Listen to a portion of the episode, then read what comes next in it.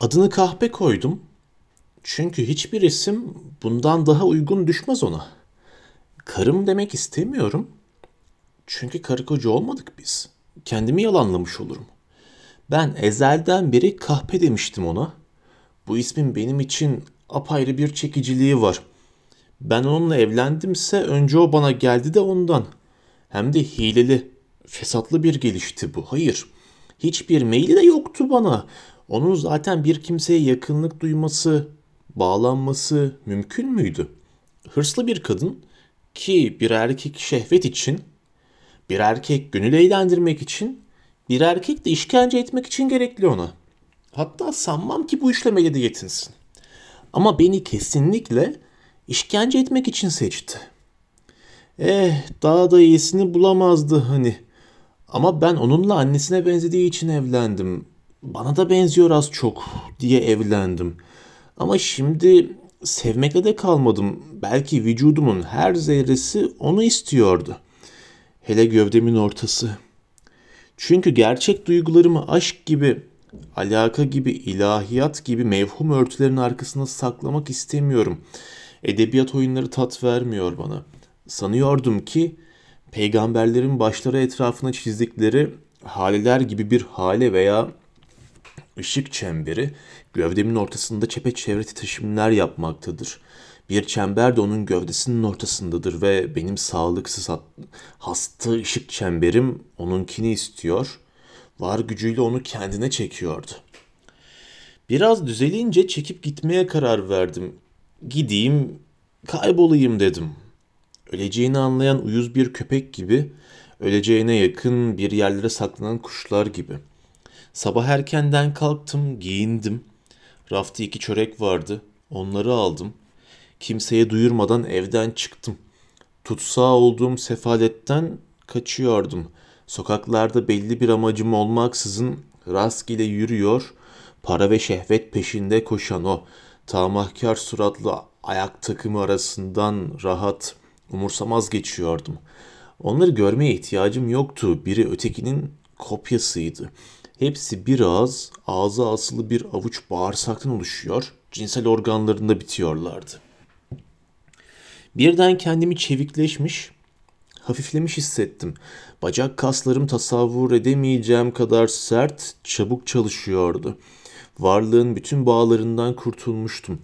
Omuzlarımı kaldırıyor, dik tutuyordum. Çocukluktan kalma bir alışkanlıktı bu. Üzerimde bir yükü, bir sorumluluğu atınca hep aynı hareketi yapardım.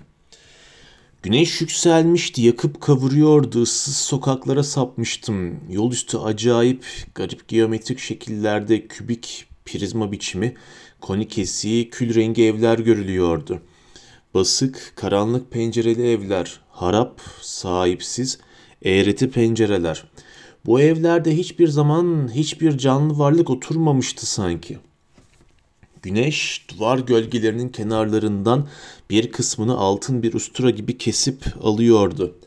Eski ağarmış duvarlar arasında sokaklar uzuyordu. Sessiz, dilsizdi her şey. Sanki bütün unsurlar yakıcı havadaki kutsal huzur kanununa, sessizliğin kanununa saygılıydılar. Her yerde gizli sırlar olduğu seziliyordu. Öyle ki ciğerlerim solumaya cesaret edemez olmuşlardı. Ansızın farkına vardım. Kent kapısından çıkmıştım. Hırslı binlerce dudağıyla güneş tenimdeki terleri emiyordu. Kırlardaki çalılar parlak gün ışığında safran sarısına boyanmışlardı. Gökyüzü derinliklerinden güneş sıtmalı bir göz gibi suskun, cansız toprakları ışınlarını boşaltıyordu. Buranın toprağında, bitkilerinde bambaşka bir koku vardı ve öyle güçlüydü ki bu, Kokladıkça çocukluğumun bazı dakikalarını hatırlıyordum. O çağın yalnız davranışlarını, sözlerini değil, belki bir an bütün o dönemi ta içimde hissettim. Sanki bir daha dünmüş, düne dönmüş gibi. Kayıp bir dünyayı yeniden doğmuş gibi tatlı bir baş dönmesine bıraktım kendimi. Bu duygu eski, tatlı bir şarap gibi damarlarımdan, sinirlerimden geçip bütün vücuduma yayılan bir sarhoşluk verdi bana.'' Kırlardaki dikenleri, taşları, ağaçları, küçük öbeklerinde kekikleri tanıdım. Onların aşina kokusunu tanıdım. Geçmiş günlerin anılarına daldım ama bütün o anılar bir efsunla sanki benden uzaklaşmış, kendi bağımsız hayatlarını yaşıyorlardı. Ben sadece uzak ve bir çare bir seyirciydim. Onlarla aramda derin bir uçurum açılmıştı. Anlıyordum. Bugün boştu kalbim ve çalılar, bitkiler o zamanlardaki büyülü kokularını yitirmişlerdi. Anlıyordum. Servilerin arasında boşluklar, fasılalar belirmiş, tepeler kavruklaşmıştı. Ben eski ben değildim. Çağırsaydım, getirseydim de konuşsaydım onunla. Duymaz, anlamazdı beni. Yüzü eskiden tanıdığım bir adamın yüzü olurdu da benim yüzüm olmazdı. Benim bir parçam bile olmazdı. Dünya ıssız yaslı bir ev gibi görünüyordu gözüme ve ben bağrımda bir acı duyuyordum. Evin bütün odalarını yalın ayak dolaşmak zorundaydım sanki. Odanın birinden ötekine geçmiş sonuncu odaya girip de o kahpeyle karşılaşınca ardımdaki kapılar kendiliğinden kapanıvermişti. Yalnız köşeleri karanlığa gömülü duvarlardaki titrek gölgeler zenci cariye ve köleler gibi çevremde bekliyor, gözetiyorlardı beni. Suren Irmağı yakınlarına gelmiştim. Önümde çıplak bir dağ belirdi. Katı, kuru görünümü dadımı hatırlattı bana. Aralarında ne, va ne bağ var bilmiyorum. Dağın kenarından geçtim. Tepelerle çevrili küçük, hoş bir yere vardım. Toprak öbek öbek mavi gündüz sefalarıyla kaplıydı ve dorukta kalın kerpiçten yapılmış yüksek bir kale görünüyordu. Yorulmuştum. Süren kıyısına gittim. Yaşlı bir servi dibine kuma oturdum. Issızdı, sessizdi çevre. Şimdiye kadar kimse buraları ayak basmamış gibime geldi. Birden servi gerisinden küçük bir kızın belirdiğini ve kaleye doğru gittiğini gördüm. Üstünde çok ince, hafif belki ipek, siyah bir entari vardı. Sol elinin tırnaklarını ısırıyordu. Kendini kaptırmış, kös kös yürüyordu. Ben bu kızı eskiden görmüş, tanıyordum sanki. Ama kimdi? Uzaktaydım, güneşe karşıydım, çıkaramıyordum. Birden gözden kayboldu. Afallamıştım, kıpırdayamıyordum ama işte bu kez kendi gözlerimle görmüştüm. Karşımda yürümüş ve gözden kaybolmuştu. Gerçek bir varlık mıydı yoksa bir vehim, bir kuruntu mu? Rüya mı görmüştüm? Uyanıkken miydi? Hatırlamaya çalıştım. Boşunaydı. Sırtımdan garip bir ürperti geçti. Kalenin bütün gölgeleri birden canlanmış gibiydiler. Belki çok eskiden, eski Rey kentinde yaşamış insanlardan biriydi bu küçük kız. Çevre birdenbire aşina geldi bana. Çocukluğumda bir sızdeh beder günüydü. Ben buraya gelmiştim. Karımın annesiyle ve o kahpeyle gelmiştim. Servilerin etrafında az mı koşuşmuş oyunlar oynamıştık.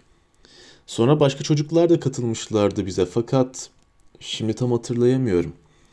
Körebe oynamıştık. Irmak kıyısında o kahpeyi kovalıyordum ki birinin ayağı kaymış suya düşmüştü. Sudan çıkarmışlar üstünü değiştirmek için bir servinin arkasına götürmüşlerdi. Peşlerinden gittim önüne bir başörtüsü tutturmuşlardı ama ben bir ağacın arkasından gizlice gördüm tüm vücudunu. Gülüyor, sol elinin işaret parmağını sırıyordu.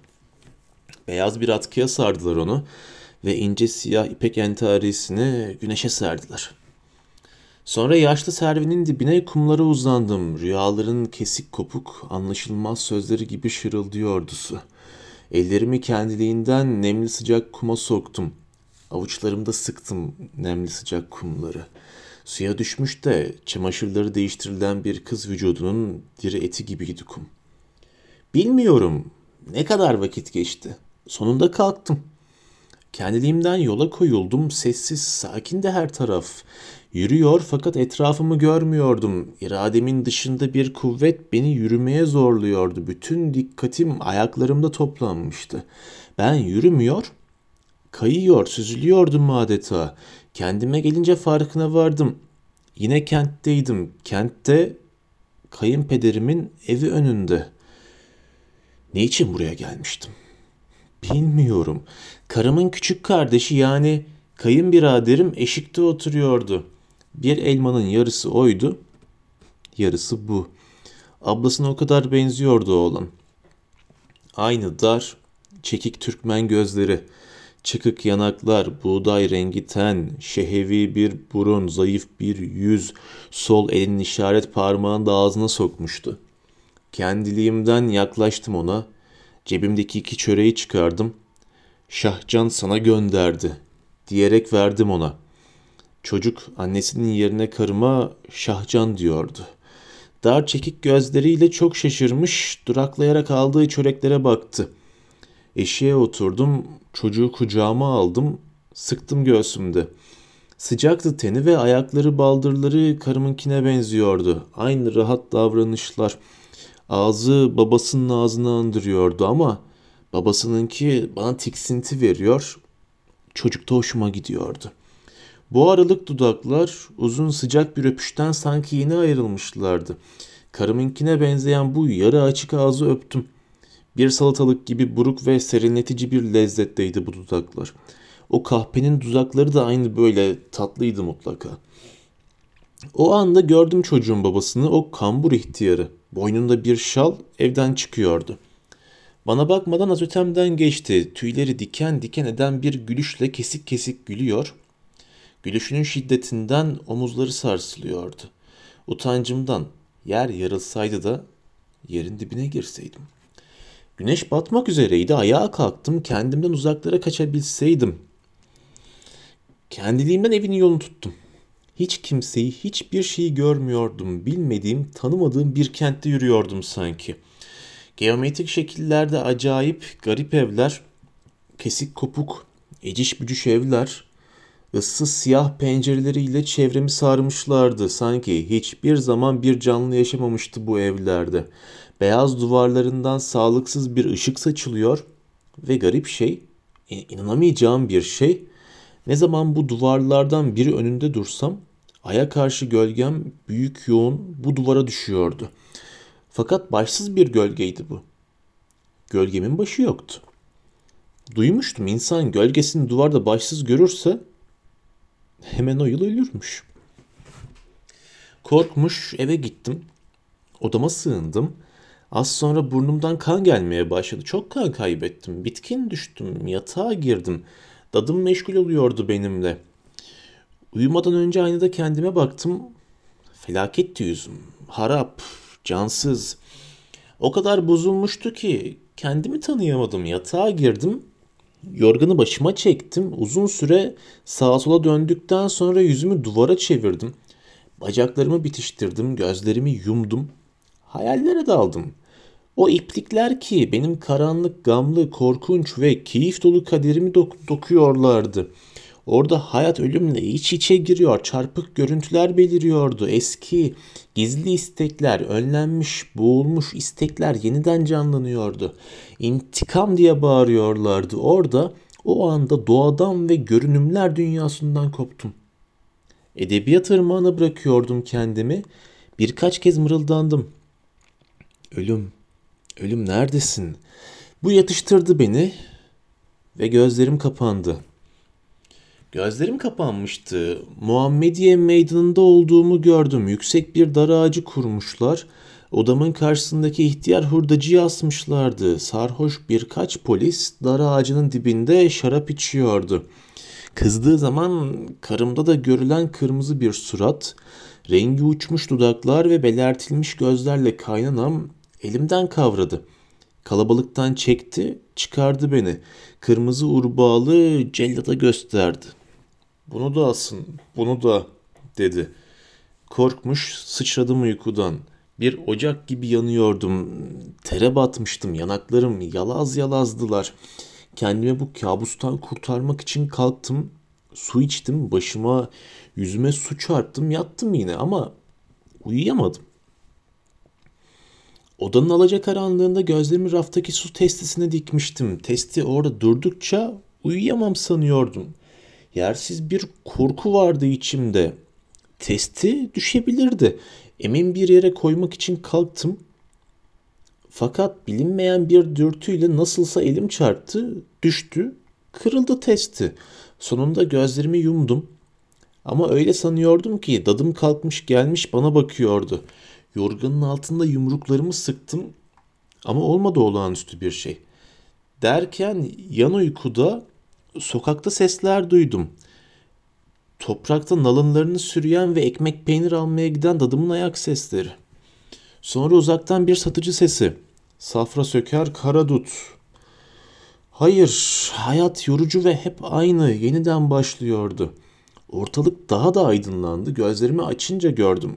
Dışarıdaki havuzda bir gün ışığı odamın penceresinden yansımış, tavanda titreşiyordu. Öyle uzak silinmiş, sönmüştü ki ben geceki rüyayı sanki yıllar önce çocukluğumda görmüştüm. Dadım kahvaltı getirdi. Dadımın yüzü çarpıtan aynalarda bir görüntü gibiydi. Öyle uzamış incelmiş göründü bana. İnanılmaz derecede gülünç göründü. Sanki büyük bir ağırlıkla aşağı çekilmişti yüzü. Dumanının bana dokunduğunu bildiği halde odamda nargile içerdi dadım. Zaten içmedim çekilmez olurdu. Bana sık sık ailesini, gelinini, oğlunu anlatır, akrabaların dedikodusuna bu şehvetli keyfe beni de ortak ederdi. Ahmakça şeyler. Bazen durup dururken dadımın yakınlarının hayatını düşündüğüm oluyordu da bilmiyorum niçin diğerlerin hayatı ve mutluluğu bende sadece nefret uyandırıyordu. Çünkü biliyordum benim hayatım yavaş yavaş ve acılı susmuş sona ermişti. O halde niçin o sağlıklı, iyi yiyen, iyi uyuyan, iyi çiftleşen ve benim dertlerimin zerresini hiçbir zaman duymayan ve yüzlerine her dakika ölümün kanatları değmeyen o ahmakların, o ayak takımının hayatlarını düşüneyim. Dadım bir çocuğa bakar gibi bakıyordu bana. Hep beni görsün istiyordu. Ben ki karımdan utanıyor, içeri girse tükrük kabımın üstünü örtüyor, saçımı sakalımı tarıyor, gecelik takkemi düzeltiyordum. Ama dadımdan ne sıkıldığım vardı, ne utandığım. Benim için bir önemi olmayan bu kadın neden bu kadar giriyor, karışıyordu hayatıma. Hatıralarım vaktiyle kışın odadaki su sarnıcının üzerine bir kursi koyarlardı.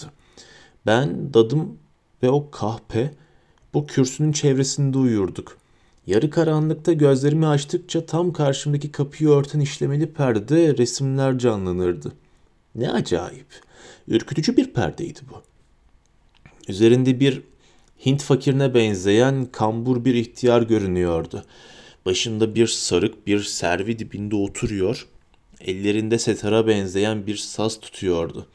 Karşısında güzel bir genç kız vardı. Kız Hint tapınaklarındaki rakkaselere yani bayaderlere benziyordu. Bilekleri zincirliydi ve ihtiyarın karşısında sırf mecbur olduğundan raks ediyor gibiydi. Gözümün önüne getiriyordum. Herhalde bu adamı bir kobra yılanıyla bir zinana kapamışlardı ve adam saçı sakalı bembeyaz olmuş bu haliyle çıkmıştı zindandan. Sırma işlemeli bir Hint perdesiydi o perde. Babam ya da amcam gittikleri uzak yerlerden göndermiş olmalıydılar. Üzerindeki tabloya fazlaca baksam korkardım. Henüz uyumuş, dadımı uyandırırdım. Beni kucaklardı. Pis kokardı nefesi ve sert siyah saçları yüzüme batardı. Sabahleyin uyandığında yine yüzü yine o yüz olurdu ve yüz çizgileri daha derine batmış, daha katılaşmış gibime gelirdi. Ben çoğu zaman unutmak, kendimden kaçmak için hatırlıyorum çocukluğumu. Kendimi hasta olmadan önceki gibi hissetmek için, sağlıklı hissedeyim kendimi. Ya içimde yine o duygu, bir çocuk olduğum duygusu belirmişti ve ikinci bir varlık öleceğime, yok olacağıma acıyordu. Halime bu çocuk ölecek, ona acıyordu. Hayatımdan endişelendiğim zamanlarda dadımın sakin yüzünü, sol, solgun benzini, batık, hareketsiz bulanık gözlerini, ince burun kanatlarını, geniş ve kemikli alnını görünce o eski anılar uyanıyordu içimde. Belki de ondan esrarlı dalgalar yayılıyor, beni de bu yatıştırıyordu. Şakağında bir et beni vardı, bir kıl uzamıştı bu benden. Ama sanki ben bu beni ilk bugün gördüm. Daha önce hiç böyle dikkatli bakmamıştım yüzüne. Dadıcık dıştan değişmişti ya içten hep aynı kalmış. Yalnız hayata bağlılığı artmıştı. Ölümden korkuyordu güz gelince evlere sığınan sinekler gibi. Bana gelince benim hayatım her gün, her dakika değişiyordu. Öyle sanıyorum ki zamanın geçişi ve insanların seneler ilerledikçe karşılaşacakları değişmeler bende bin kat daha hızlı ve sert oldu. Ama beri yanda bu gelişmenin getirdiği mutluluklar toplamı sıfıra doğru geriledi. Hatta sıfırın da altına düştü. Bazı kimselerin ölümle savaşı daha 20'sinde başlar. Birçokları da yağ bitmiş lambalar gibi. Sessiz yavaş ecelleriyle sönerler.